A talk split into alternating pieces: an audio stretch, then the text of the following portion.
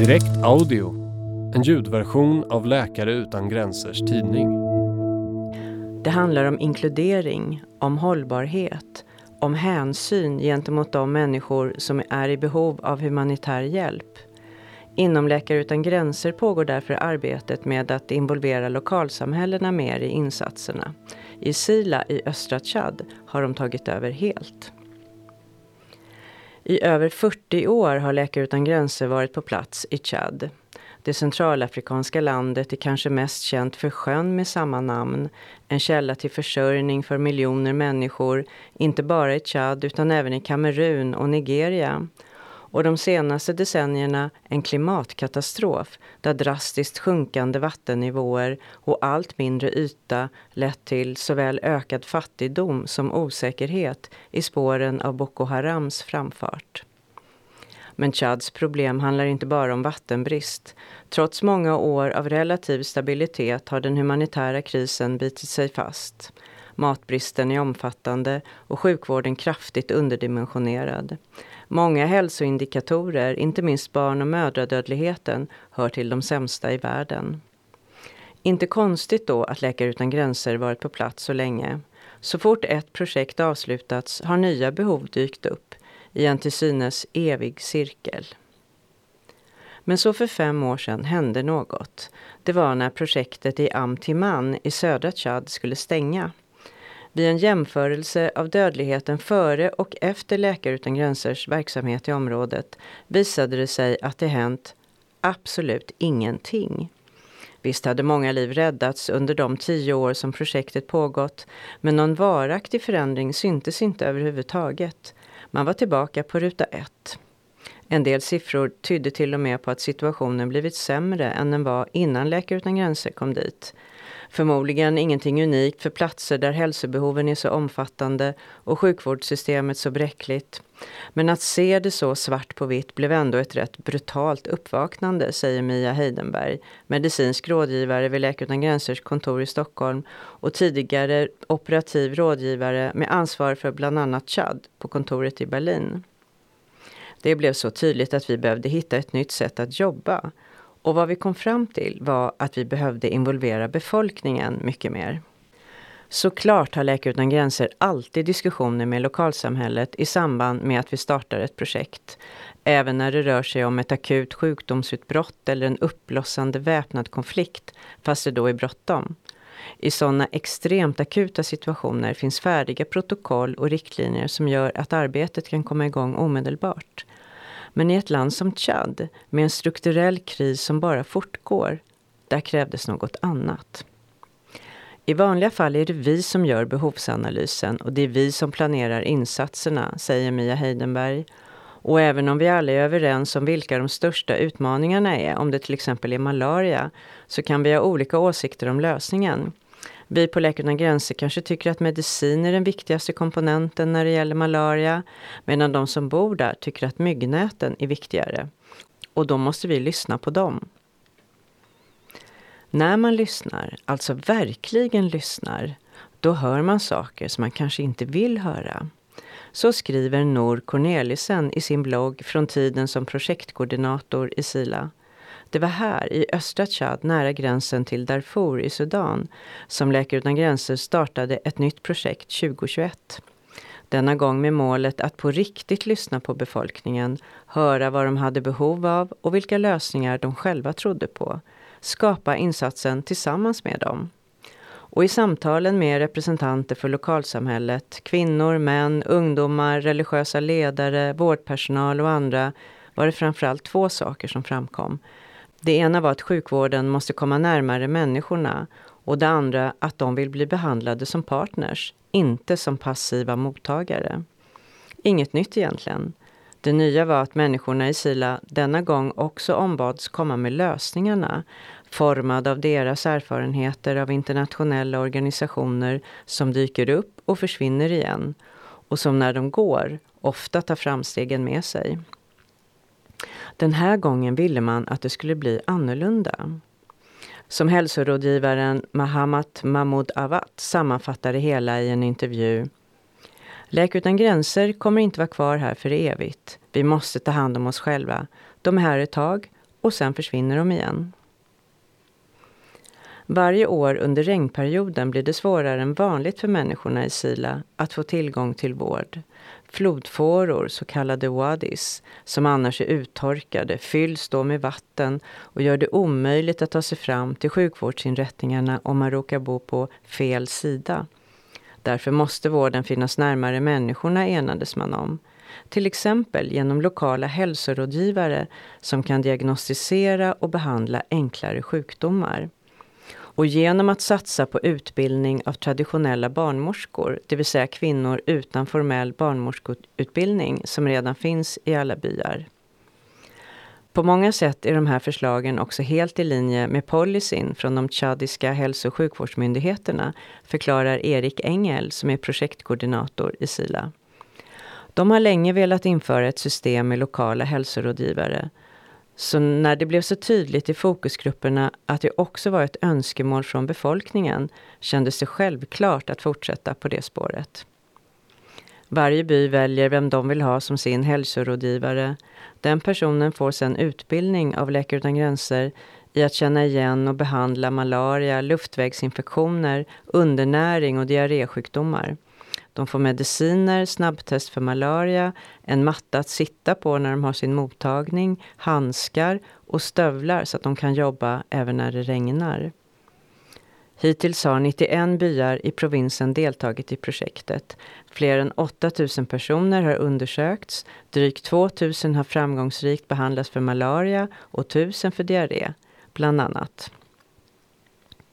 Det andra önskemålet, att satsa mer på de lokala barnmorskorna, har varit knepigare, säger Erik Engel. Här krockar verkligheten med myndigheternas mål att alla kvinnor ska föda med stöd av en utbildad barnmorska. Det är inte så lätt att leva upp till alla gånger, säger han.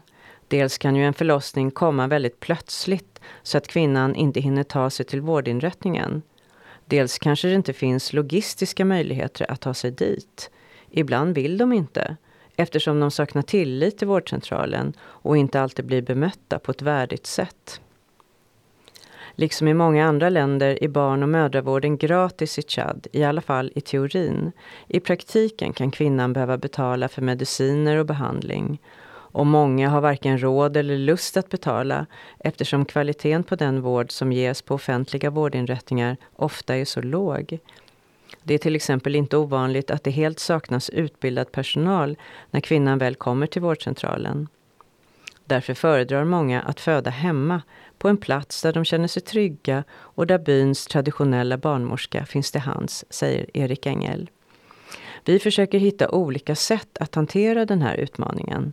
Till exempel genom att lära de lokala barnmorskorna att känna igen tecken på komplikationer under en graviditet och uppmana dem att följa kvinnan till vårdinrättningen när det är dags. En tanke är också att vidareutbilda personalen på vårdcentralerna, men dit har vi inte kommit ännu. Men hur var det nu med det där att ibland höra saker som man inte riktigt vill höra? Det som Erik Engels företrädare, Nor Cornelissen, skrev om när hon var i Sila för att starta projektet. Jo, det visar sig nämligen att många föredrar att betala för vården. För Läkare utan gränser och andra humanitära organisationer är kostnadsfri vård avgörande. Det ska aldrig bero på pengar om man får vård eller inte. Men det finns anledningar till att Silaborna resonerar som de gör. För dem är pengarna en garanti för långsiktighet, en sorts sjukförsäkring. Varken lokala hälsorådgivare eller barnmorskor får någon lön för att de ska ha möjlighet att fortsätta hjälpa sina grannar och till exempel köpa in medicin eller rena handskar måste de få någon form av ersättning. Idag är det Läkare utan gränser som bistår med läkemedel och utrustning men den dag vi lämnar så måste ju systemet rulla vidare. Lösningen blev att befolkningen inrättade en fond, berättar Erik Engel. De vet att vi inte kommer att vara kvar för evigt och de vet att det är mycket jobb för hälsorådgivarna och barnmorskorna och därför ville de betala. Varje hushåll bidrar nu med en summa till fonden motsvarande kostnaden för ett bröd i månaden. Det räcker till en liten lön och till en buffert för framtida inköp av mediciner. Och även till en känsla av att bli respekterad bland de personer som tidigare jobbat gratis. Det fungerar inte alltid, men intentionerna finns där i alla fall. Nu låter det här kanske som att Läkare utan gränser hittills har jobbat i ett vakuum utan kontakt med det omgivande samhället. Men så är det förstås inte. Insatserna föregås ofta av omfattande kontextuella analyser, liksom allt oftare av antropologiska studier. Men det har funnits vissa blinda fläckar. Till exempel tendensen att arbeta för patienterna istället för med dem. Det här är något som på senare år blivit allt mer ifrågasatt inom Läkare utan gränser, berättar Jesse Verskure, koordinator i Bryssel för satsningen på kontakter med lokalsamhället. En mental omsvängning som han välkomnar. Efter ett antal uppdrag som hälsoinformatör har han kunnat se hur viljan funnits på många nivåer inom Läkare utan gränser att göra lokalsamhället mer delaktigt i den egna vården, men att det sedan fastnat någonstans på vägen.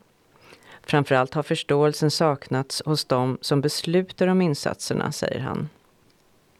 Man har förlitat sig på oss hälsoinformatörer eftersom vi fungerar som en brygga mellan Läkare utan gränser och lokalbefolkningen. Problemet är ju att vi inte kan fatta beslut om hur insatsen ska utformas. Så att fler nu förstår vikten av att samarbeta med befolkningen på plats är väldigt bra.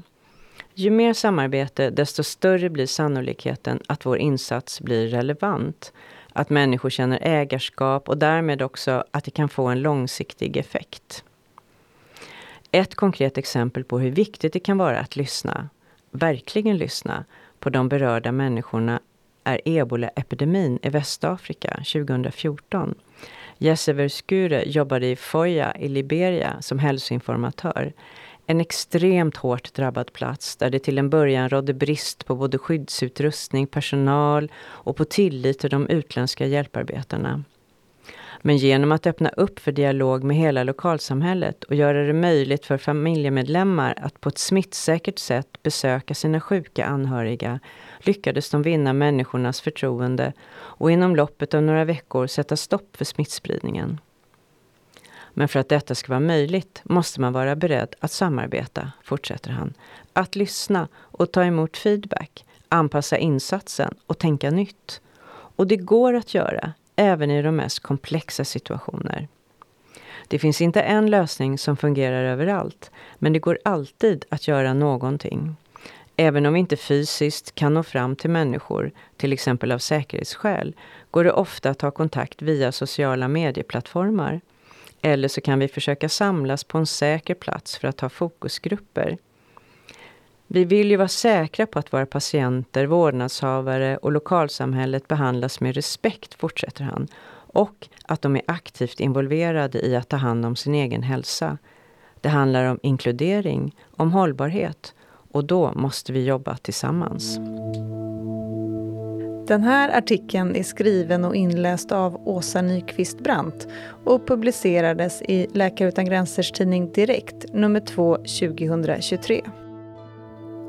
Du kan ladda ned pdf-tidningen till din dator eller surfplatta på vår hemsida www.lakareutangranser.se.